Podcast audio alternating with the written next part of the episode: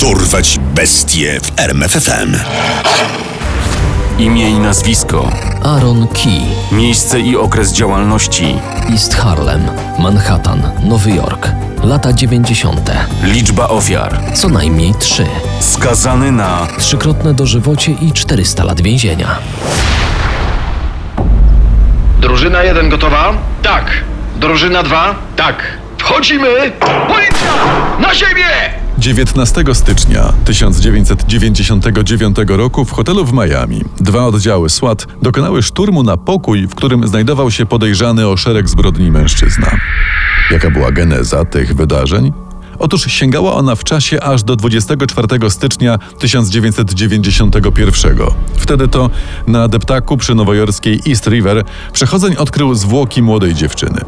Policjanci przybyli na miejsce, wkrótce ustalili, że ciało należy do 13-letniej Pauli Ilery, mieszkającej w bloku w East Harlem. Jak zeznała jej matka, ostatni kontakt z córką miała kilka godzin przed odnalezieniem ciała, gdy ta zadzwoniła domofonem, by dostać się do mieszkania. Weszła do windy i to był ostatni moment, gdy była widziana żywa.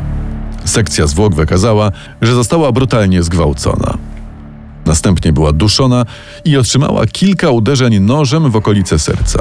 Zbrodnia najpewniej zostałaby nagłośniona w mediach, jednak wówczas w Nowym Jorku trwała wojna z narkotykami. Codziennie dochodziło do co najmniej kilku morderstw, a te popełniane na imigrantach nieszczególnie kogoś obchodziły. Co tam mamy, Riki? Jakaś 13-letnia Kolumbijka. Zamordowana, prawdopodobnie też zgwałcona. Piszemy? Jedna z wielu. Gdybyśmy mieli pisać o każdym trupie w Harlemie, musiałbym codziennie pół strony na to dawać. Policja także nie odczuwała presji opinii publicznej ani mediów, więc tego typu sprawy po zebraniu i zabezpieczeniu śladów trafiały na koniec listy priorytetów Wydziału Zabójstw, co stało się również udziałem przypadku Pauli i Lery. Pierwsza połowa lat 90. w East Harlem obfitowała w podobne pozornie niezwiązane ze sobą sprawy gwałtów lub gwałtów zakończonych morderstwem. Ofiarami padały głównie młode dziewczęta o latynoskiej urodzie lub afroamerykanki. Jedną z tego typu spraw była napaść na 15-letnią dziewczynę, która wydarzyła się w 1994 roku. Agresor zaszedł ją od tyłu, steroryzował nożem i w ustronnym miejscu brutalnie zgwałcił. Masz szczęście, że mogłaś się kochać z takim przystojniakiem jak ja. Nie mogła tego stwierdzić, ponieważ zawiązał jej na oczach opaskę. Brak możliwości identyfikacji sprawcy prawdopodobnie ocalił jej życie. Kolejna analogiczna sprawa wyszła na jaw, gdy we wrześniu 1997 roku strażacy wezwani do pożaru na dachu budynku w tej samej okolicy znaleźli w pogorzelisku zwłoki młodej kobiety. Policja ustaliła tożsamość ofiary na podstawie wisiorka zidentyfikowanego przez matkę dziewczyny. Była to 19-letnia Jonalis Castro, imigrantka z Dominikany, studentka i matka małej córeczki. Sekcja zwłok wykazała, że została zgwałcona, pobita pałką i uduszona. Ten gwałt i morderstwo. Coś mi to przypomina. Daj spokój, to jest East Harlem. Przecież tutaj to nic nowego. Notoryczne bagatelizowanie tego typu spraw przez policję prawdopodobnie rozzuchwaliło sprawcę. Już siedem miesięcy później w tej samej okolicy ofiarą gwałciciela padła 13-letnia dziewczynka. Udało jej się przeżyć i zeznała, że podczas brutalnego gwałtu usłyszała od napastnika. Cicho, przyjmij moją miłość jak kobieta. Bestia nabierała apetytu i rozpędu. Dwa miesiące później na klatce schodowej bloku mieszkalnego znaleziono ciało przykryte koszulą. Była to 18-letnia Rashida Washington, która, jak się później okazało, mieszkała w tym samym budynku, co zamordowana kilka lat wcześniej Paula Illera. Ją również napastnik zgwałcił, a potem udusił. To nie był koniec makabrycznej serii. Jesienią tego samego roku w okolicy ofiarą napaści seksualnych padły dwie kolejne nastolatki. Obydwie przeżyły prawdopodobnie dlatego, że nie udało im się zobaczyć napastnika. Jedna z nich zeznała, że kazał jej się zachowywać w trakcie gwałtu, jak gdyby była w nim zakochana. Agresja mężczyzny i bierność policji wywołała wzburzenie społeczności East Harlem, która nie wierzyła w zbieg okoliczności. Ludzie zdawali sobie sprawę, że wśród nich grasuje seryjny gwałciciel i morderca, a opieszałość organów ścigania wynika z kwestii rasowych i miejsca zamieszkania. Żądamy sprawiedliwości! Chrońcie nasze dzieci! Jesteśmy gorsi, bo nie jesteśmy biali? Głosy oburzenia, tak samo jak gwałty i mordy, pozostawały bez większego echa w mediach, które do społeczności imigranckich, Afroamerykanów i East Harlem jako takiego podchodziły podobnie jak policja, z minimalnym zaangażowaniem. Sprawy jednak powoli nabierały rozpędu. Początek lat 90. to czas, kiedy badania DNA zaczynały znajdować szersze zastosowanie w kryminalistyce. Dlatego w 1998 roku policja porównała próbki zebrane z ciał ofiar i dzięki nowej technologii potwierdziła, że na trzech z nich ślady wskazują na jednego sprawcę. A jednak w East Harlem mamy seryjnego. Niestety.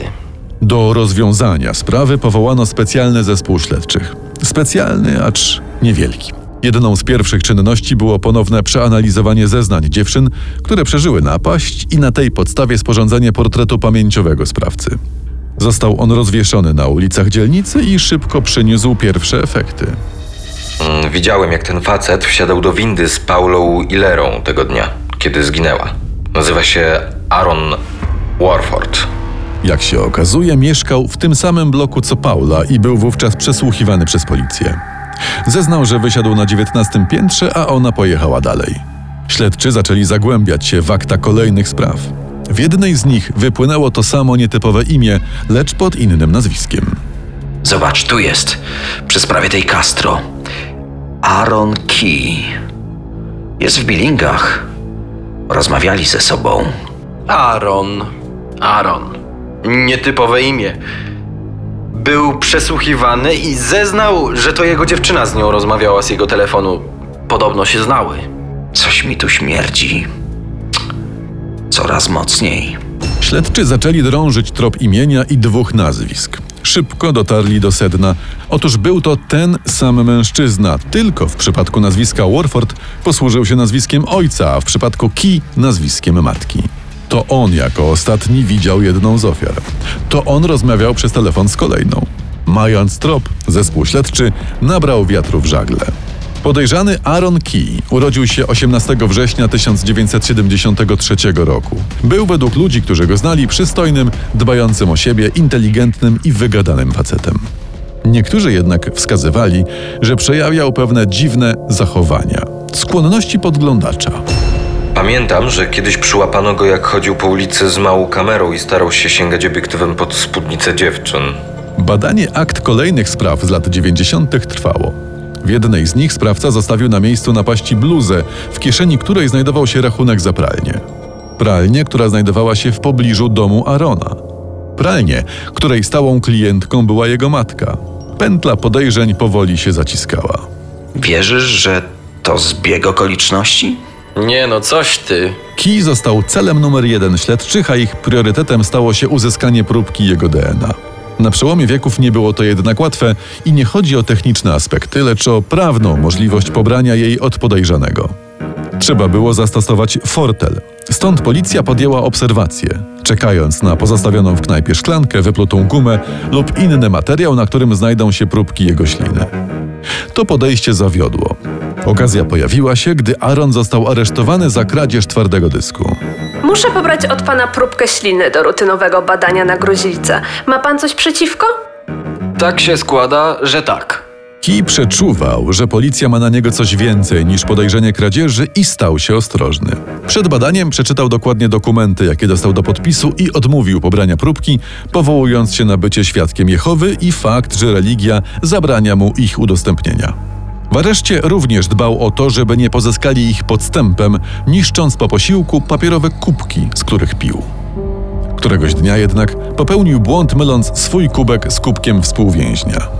Policja zyskała materiał porównawczy. Są już wyniki. Bingo! Nim do tego doszło, Aaron został zwolniony z aresztu i wyjechał do swojej dziewczyny na Brooklyn, gdzie wsiedli razem w autobus jadący na Florydę. W międzyczasie policja przekazała do mediów informacje o poszukiwanym seryjnym mordercy i gwałcicielu. Długo nie czekali na odzew. Do śledczych zadzwoniła inna dziewczyna Arona, informując, że para ukrywa się w hotelu w Miami. Dyskretna obserwacja obiektu potwierdziła ten fakt i na miejsce wezwano oddział SWAT. Policja! Na ziemię! Aaron Key? Tak, Jesteś aresztowany. Ekstradycja z Florydy do Nowego Jorku potrwała aż 4 miesiące. Tam Key stanął przed sądem oskarżony o 22 przestępstwa, w tym gwałty i trzy morderstwa. Pauli Illera, Johna Castro i Rashidy Washington. Key wystąpił o bycie jednym ze świadków obrony, co było dość absurdalne, jak całe zresztą jego zachowanie podczas procesu. Był niepoważny, kipiał emocjami, od śmiechu przez łzy po groźby i tezy wyssane z palca. Siła dowodów zebranych przeciwko niemu i zeznania ponad 130 świadków nie pozostawiało jednak złudzeń co do jego winy. Cały proces toczył się w atmosferze oburzenia rodzin ofiar i ich otoczenia, oskarżającego policję i media o bezczynność w obliczu zbrodni popełnianych w East Harlem. W styczniu 2001 roku sprawiedliwości stało się zadość. Aaronie Key, ława przysięgłych wydała wyrok. Winny.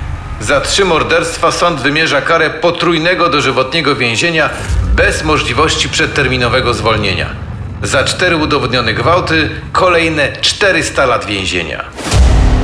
Poznaj sekrety największych zbrodniarzy świata.